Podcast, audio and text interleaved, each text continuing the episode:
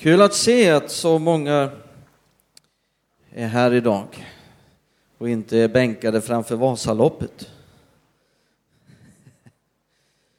Jag har ju bott i Dalarna hela 90-talet. Där var det en stor grej med Vasaloppet. Så jag, jag, i Mora hade man inga gudstjänster på söndagen. Det gick, det gick bara inte. Men vi är ju ganska långt ifrån Mora. Men jag tror att det är någon härifrån som åker Vasaloppet. Susanne, just det. Är det någon mer? Så de kan vi ju tänka på lite extra så det inte blir Hasaloppet. Eh, vi ska slå upp våra biblar här till Uppenbarelseboken kapitel 1. Pastorn i Pingstkyrkan i Falun, Lalle, min gode vän, han eh, var ju med och åkte. Han ville gärna få med mig också. Så jag sa, jag kan gärna vara med, men då ställer jag upp med, med sådana här eh, station. Jag kan vara med på en station, en förbönsstation. Så kan jag be för dig när du kommer åkande. Uppenbarelseboken kapitel 1, vers 5. Men innan vi läser så ber vi tillsammans. Fader Gud, i Jesu namn, vi vänder våra hjärtan, våra ögon till dig.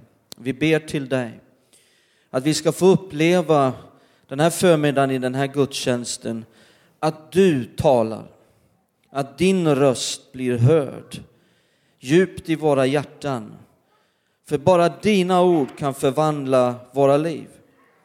Bara när vi hör dig så kan mörker förbytas till ljus död till liv, sjukdom till hälsa, sorg och depression till glädje och frid.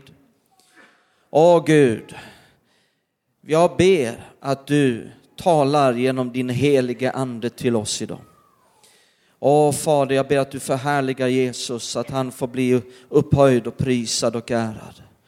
Åh, jag lämnar över till din helige Ande just nu att verka i var och ens liv som har kommit hit. Halleluja. Tack att det får bli en gudstjänst inför ditt ansikte, där vi får möta dig. För det är därför vi har kommit hit, inte för att möta någon människa, utan möta dig. Vi tackar dig för det i Jesu namn. Amen. Uppenbarelseboken 1, vers 5 så står det så här. Och från Jesus Kristus, det trovärdiga vittnet, den förstfödde från de döda, härskaren över jordens kungar, han som älskar oss och har friköpt oss från våra synder med sitt blod. Han har friköpt oss från våra synder med sitt blod. Vi ska här idag i gudstjänsten fira Herrens måltid där vi får ta del av brödet och vinet som representerar Jesu kropp och Jesu blod. Och temat jag har idag det, är ett tema som kopplar med denna måltid. Eh, mitt tema är helt enkelt Jesus, den store blodgivaren. Eh, och vi läste här att han har friköpt oss från våra synder med sitt blod. Ska vi läsa ett bibelställe till och utgå från dessa två.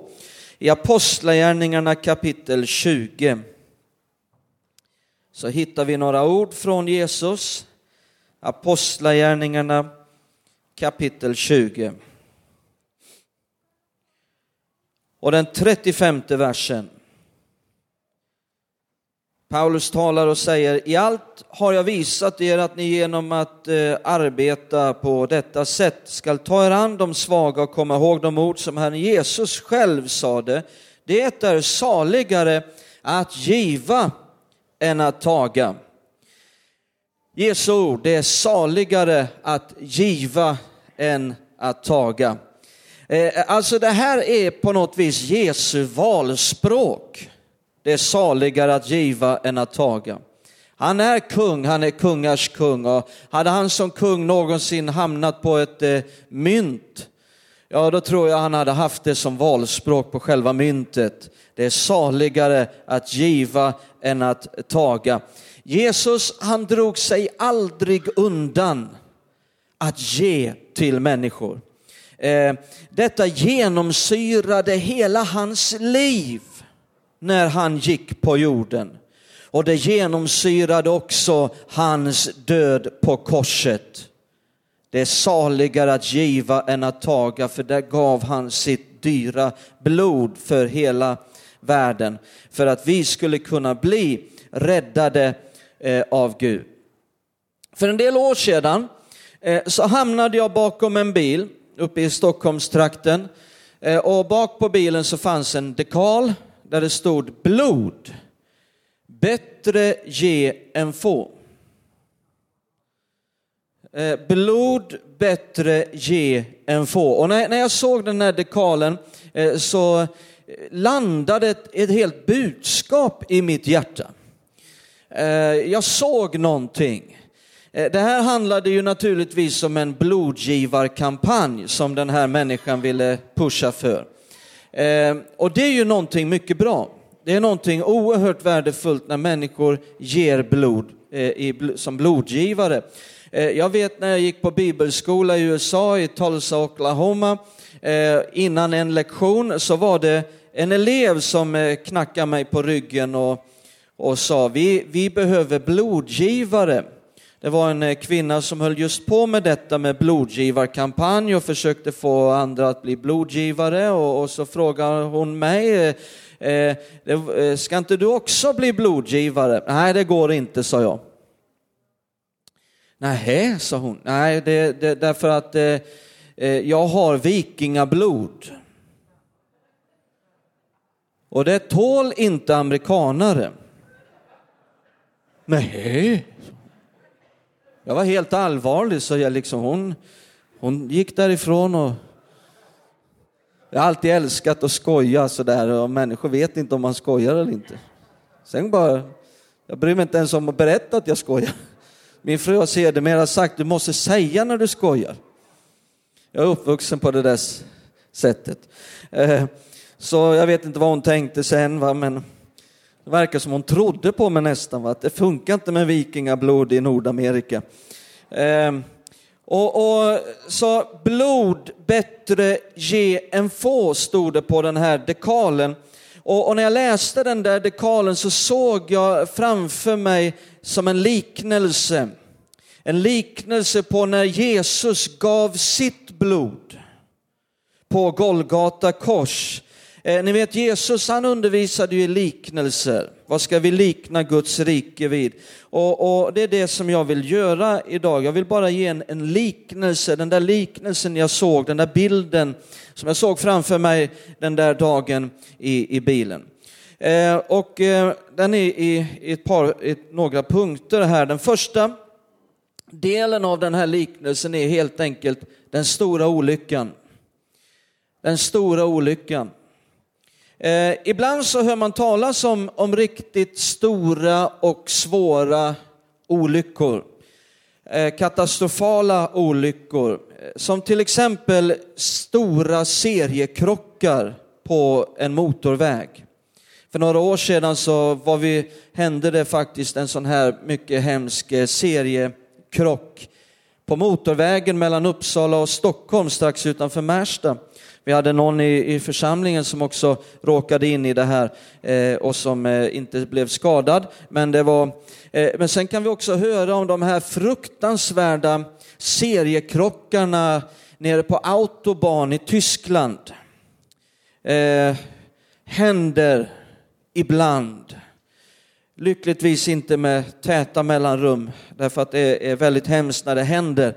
Men det händer ibland sådana svåra seriekrockar på autobahn i, i, i Tyskland där det, det, är väldigt tjock och tät dimma.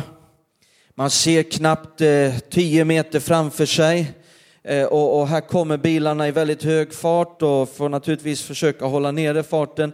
Men eh, kanske det är en lastbil som har sladdat och hamnat på tvären över motorvägen och så plötsligt så är det en bil som bara kommer i full fart och bara smäller rakt in i den här lastbilen. Eh, och, och sen så kommer nästa och så kommer nästa och så kommer nästa och det blir en fruktansvärd seriekrock med Väldigt, väldigt många inblandade. Eh, och, och, och människor ligger överallt på vägen. Det är katastrofala följder. Eh, och på ett andligt plan så har världshistoriens och mest katastrofala olycka redan inträffat. Vilket resulterat i en enorm seriekrock. Eh, där alla människor har fått bli involverade som någonsin levt, som någonsin kommer att födas. Bara en gigantisk seriekrock. Vad är det för en, en stor olycka jag talar om som har hänt på det andliga planet som just resulterat i en sådan seriekrock? Ja, det var när Adam i begynnelsen valde att vända Gud ryggen och istället följa Satans vilja. Ska vi läsa om detta i Romarbrevet kapitel 5. Romarbrevet, det femte kapitlet och den tolfte versen.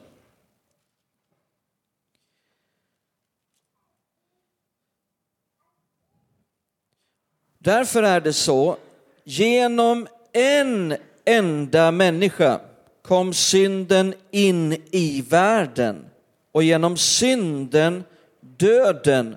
Och så kom döden över alla människor, lägg märke till alla människor, eftersom alla hade syndat.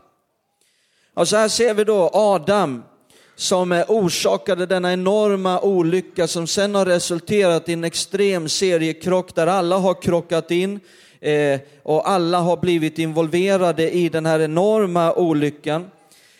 Någon kanske tänker, ja men det var ju Adam för 6000 år sedan. Eh, det berör inte mig. Jo, det ledsamma faktumet är att Adam, han var en ställföreträdare. Han var en representant för hela mänskligheten. I Guds sinne var det inte bara en människa där, utan det var hela mänskligheten som fanns representerad av Adam.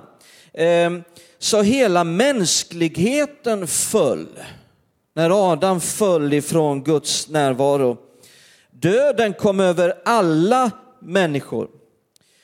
Ehm, och på samma sätt som Gud hade andats sin ande in i människan i skapelsen, så i syndafallet så var det precis som om djävulen andade sin natur in i mänskligheten. Eh, och människan fick en, en syndanatur i sin ande. Eh, jaha, tack så mycket Adam, kanske någon säger. Tack för det Adam, att du gjorde det. Hade det varit jag, då hade jag ju inte gjort det där som du gjorde. Ja, det enda sätt som du kan säga det på, det är om du aldrig har syndat. Är det någon här som aldrig har gjort det? Eh, eh nej, eh, utan vi har alla krockat in i detta. Eh, och vi har alla syndat. Man kan säga att det blev en enda lång seriekrock. Adam krockade först och sen så har det bara blivit en hög av människor, en hög av syndare eh, där vi alla är inblandade. Eh, den andra saken i den här liknelsen, det är nu det miserabla tillståndet. Olyckan har inträffat, men vad är resultatet?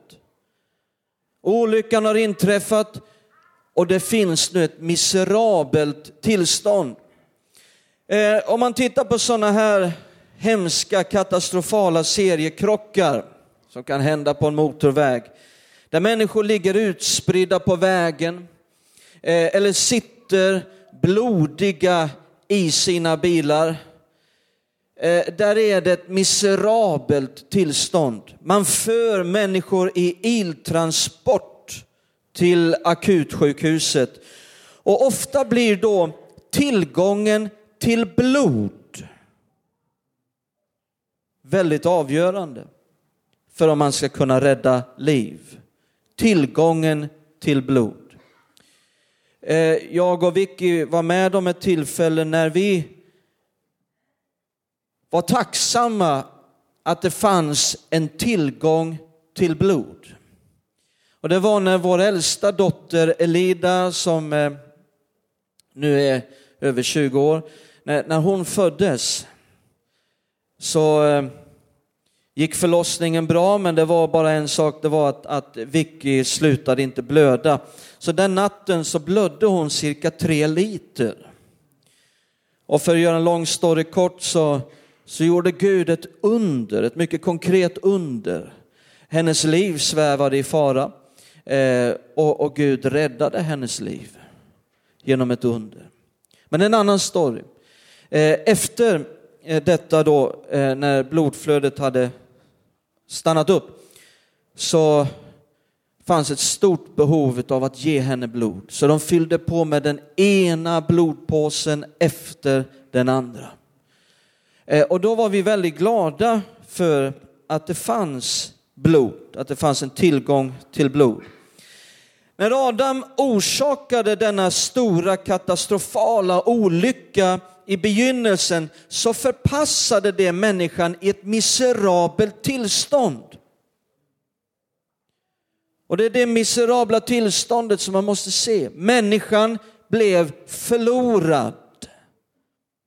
Utan någon som helst möjlighet att kunna rädda sig själv. Eh, det var en evig död. Det var en evig skilsmässa från Gud som blev resultatet. Det var en andlig död. Detta är utgångspunkten. Och det var tillståndet. Om inte Gud griper in så är det det här som blev resultatet. Är du glad att Gud hade en plan att gripa in? Annars hade det för all framtid, i all evighet varit detta. Eh, människan har försökt att komma förbi det här syndaproblemet genom olika filosofier. Eh, humanismen till exempel säger att eh, det finns något gott längst inne i alla människor. Säger det finns ingen Gud. Det finns ingen synd. Människan kan därför sätta sina egna regler. Och så har man försökt att komma runt och täcka över syndaproblemet. Men vet du vad? Det är som att ta ett ruttet äpple och glasera det. Jag minns när jag var liten i norra Skåne, varenda, i början på varenda december där så skulle vi gå till torget i Perstorp. Och där gjorde de alltid glaserade äpplen på en pinne. Det skulle vi alltid köpa varje, liksom. Och du kan ju glasera ett ruttet äpple och få det att se ganska vackert ut och, och liksom sött och fint. Men tar du ett bett i det så uppenbaras vad som egentligen var på insidan. Eh, och hur är det egentligen? Sådana här filosofier kan, kan försöka täcka över och komma runt, men hur är det egentligen? Ja, egentligen så jagas människor och plågas av skuldkänslor över begången synd. Man är nedtyngd av det förflutnas belastning, av bitterhet, av sorg, av besvikelse över misslyckanden, ånger över felsteg. Syndaproblemet måste tas itu med. Vad är då lösningen? Ja, det finns tillgång till blod. Det finns tillgång till ett blod som räddar liv. Ehm, men det är också så här, här kommer nästa bild i, i den här liknelsen, att eh, blodet måste ju komma från en som inte var med i olyckan. Om två stycken kommer in som har varit med om en stor, eh, kanske seriekrock, en fruktansvärd olycka och två stycken kommer in till akuten, då får man ju aldrig för sig att man ska ta blod från den ena och ge till den andra. Är ni med på det? Vi skulle eh, liksom förfasa oss om någon skulle få för sig att göra det. Nej, blodet kommer alltid från någon som inte var med i olyckan. Eh, och det, det, det är en viktig sak i detta. Det är en viktig sak att förstå. Efter Adam så är det ju så att döden kom över alla människor läste vi. Och alla människor har syndat och är i det miserabla tillståndet, eh, är en involverade i den stora olyckan. Och straffet för synden måste betalas. Syndens lön, som Bibeln talar om, måste ges. Ehm, och då är det ju så att om vi alla har ett straff, om vi alla är involverade i detta och vi alla har syndat, eh, och, och Guds nåd, vi måste förstå Guds nåd, eh, det är inte att han ser mellan fingrarna på synden. Det är inte Guds nåd. Att han låtsas som att det inte finns där när det egentligen finns där. Guds nåd är inte att han ser mellan fingrarna på synden. Nej, straffet måste betalas. Syndens lön som är döden, säger Bibeln, måste ges. Ehm, och alla har syndat och ingen kan ta den andres straff. Så det måste komma en som inte var involverad i den här stora olyckan. Och denne min vän, det är Jesus. Jesus kom. Det står att han blev frestad i allt, precis som vi, dock utan synd. Han är inte involverad i olyckan. Han som inte själv var med i olyckan, han tog vårt straff på Golgata kors. Oskyldig, säger Bibeln, så trädde han in i överträdarnas ställe. Titta här vad det står i Kolosserbrevet, det första kapitlet. Kolosserbrevet, det första kapitlet. Och den tjugonde versen.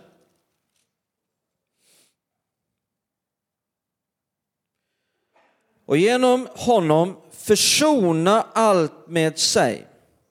Genom Jesus så försonar Gud allt med sig sedan han skapat frid i kraft av blodet på hans kors.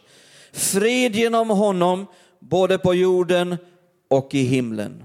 Halleluja. Är du glad för Jesu blod? Eh, och sen är det så här också, eh, eh, nästa bild i den här liknelsen, det är att inte vilket blod som helst räddar liv. När människor kommer i iltransport till eh, akuten, håller på att förblöda och man måste ge blod för att rädda livet då blir det viktigt med att det är rätt blod. Hur många här är, är, är utbildade och jobbar inom vård och, och, och sjukhus? Och, så det är en hel del. Ni, ni kan det här bättre än mig. Va? Eh Eh, eh, men, för det finns ju ett flertal olika blodgrupper. Och jag läste mig till här var att eh, vissa är vanliga som O+.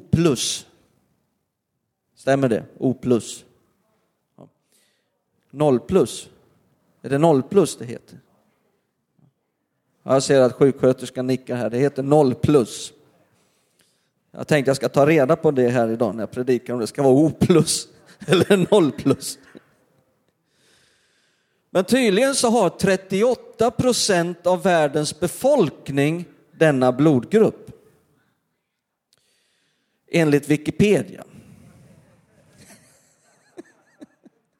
Det är där jag hämtar all min information. Och vissa har väldigt ovanliga blodgrupper som eh, AB minus. Stämmer det då? A, min. Ja. Det är bara 0,75 procent av världens befolkning som har denna. Eh, eh, så, så det är väldigt viktigt att eh, det är rätt blod, inte vilket blod som helst räddar liv. Och min vän, det finns bara en typ av blod som kan rädda en människa. Bara ett blod kan friköpa en människa från deras synd och det är Jesu dyra blod. Bibeln säger att detta blod, det bar Jesus in i det allra heligaste i himlen och vann en evig återlösning. Det är underbart. Det här blodet, säger Bibeln, talar. Det här blodet, Jesu blod, det vittnar inför hela universum, inför andevärlden, inför allt skapat. Detta blodet vittnar och säger att straffet är betalt. Och den som tror detta och tar emot detta får gå fri. Det säger att straffet är betalt. För på samma sätt som Adam var representant för hela mänskligheten och när han föll och vände Gud ryggen så drabbade det alla människor. För han var representant för alla människor. Men Bibeln säger att Jesus är också en Adam. Den siste Adam. Det vill säga han är också representant för hela mänskligheten. Det är det här som är visdomen i Guds plan. Att genom att låta den första Adam vara representant så är det inte mer en laglig rätt inför hela andevärlden att också Jesus får vara en representant för hela mänskligheten. Så i Guds sinne, när Jesus hängde på korset och han tog straffet för all synd, så var det i Guds sinne inte bara en människa som hängde där och blev straffad, utan hela mänskligheten tog straffet. Och därför Hans blod vittnar om att straffet är betalt. Och du får gå fri som tar emot det och säger ja tack till detta. Men vet du vad? Människor kan neka att ta emot blod. Här kommer sista bilden i den här liknelsen. Människor kan neka att ta emot blod. Och du tänker, ja men det händer aldrig. Jo, det gör det. Människor kan faktiskt neka att ta emot blod, till exempel eh, en grupp som Jehovas vittnen. Där händer det att man nekar. Vilket har resulterat tragiskt nog i människors död. För att man har denna tro att man får inte ta emot blod. Och död inträffar på grund av det. Och på samma sätt är det också att en människa kan faktiskt säga nej tack till Jesu blod. Ingen tvingar denna räddning på dig. Eh, man kan säga, jag förkastar talet om en frälsare. Jag förkastar talet om att jag skulle behöva någon som dog för mig. Jag tar inte emot det. Jag förkastar det. Jag vill inte ha det. Ja, saken är då att man får ta straffet själv. En säker, evig död. Hur tar man då emot det? Hur tar man emot Jesu blod? Man säger ja tack. Man säger ja Jesus, jag behöver att du dog för mig. Jag behöver att ditt blod utgöts för min skull. Jag behöver att du tog mitt straff. Titta här vad det står i Romarbrevet kapitel 3. Dan, kan du komma upp och hjälpa mig lite grann? Romarbrevet 3. Ska vi läsa det till sist här.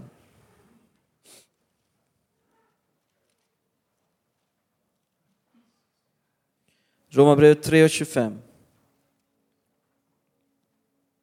Honom har Gud Jesus har Gud genom hans blod, genom hans blod, genom hans blod ställt fram som en nådastol att tas emot genom tron. så vill han visa sin rättfärdighet eftersom han hade lämnat ostraffade de synder som förut hade blivit begångna. Att tas emot. Genom hans blod finns en nådastol. Att tas emot. Det går att ta emot det här som finns genom hans blod, denna nåd, genom tron, genom att säga ja tack. Ska vi stå upp tillsammans en liten stund? Vi ska göra oss redo att snart fira Herrens måltid. Men innan det så vill jag göra en, inbjudan. Vi ska be en frälsningens bön alldeles strax. Jag vill göra en inbjudan till var och en som eh, säger här idag, Sven, jag är inte en kristen, jag är inte det här som ni kallar frälst, men jag skulle så gärna vilja bli det. Jag vill ta ett steg idag. Jag vill fatta ett beslut att ta emot Jesus i mitt liv. Att välkomna honom in i mitt liv. Jag vill eh, börja följa honom. Jag vill ta emot honom som min Herre, min frälsare. Jag tror på det som han har gjort. Eh, Gud är här idag. Jesus är här idag med en utsträckt hand till dig. Och i den handen finns en fantastisk gåva. Det är den mest fantastiska gåva som eh, du någonsin kan få ta emot och bli erbjuden. Den gåvan är evigt liv. Den gåvan är att himlen får bli ditt hem. Där du är medborgare. Dit du får komma den dagen du slutar ditt liv här på jorden. Den gåvan är en rening Ifrån allt det där som du kan ångra, det du känner en skam över, de där tabbarna i livet som plågar dig, en rening. Där det gamla får vara förgånget, där, där någonting nytt får komma. En ny start i livet, en ny mening med livet. Det är den här gåvan. Det är en glädje, det är en frid som är övernaturlig, som, som bara finns där i hjärtat trots vad, hur omständigheterna än är. Den här gåvan, det är det vi kallar frälsning. Du kan säga nej tack. Jag vill inte ha det. Du kan också säga ja tack. Jag behöver det. Jag vill ta emot det. Valet är ditt.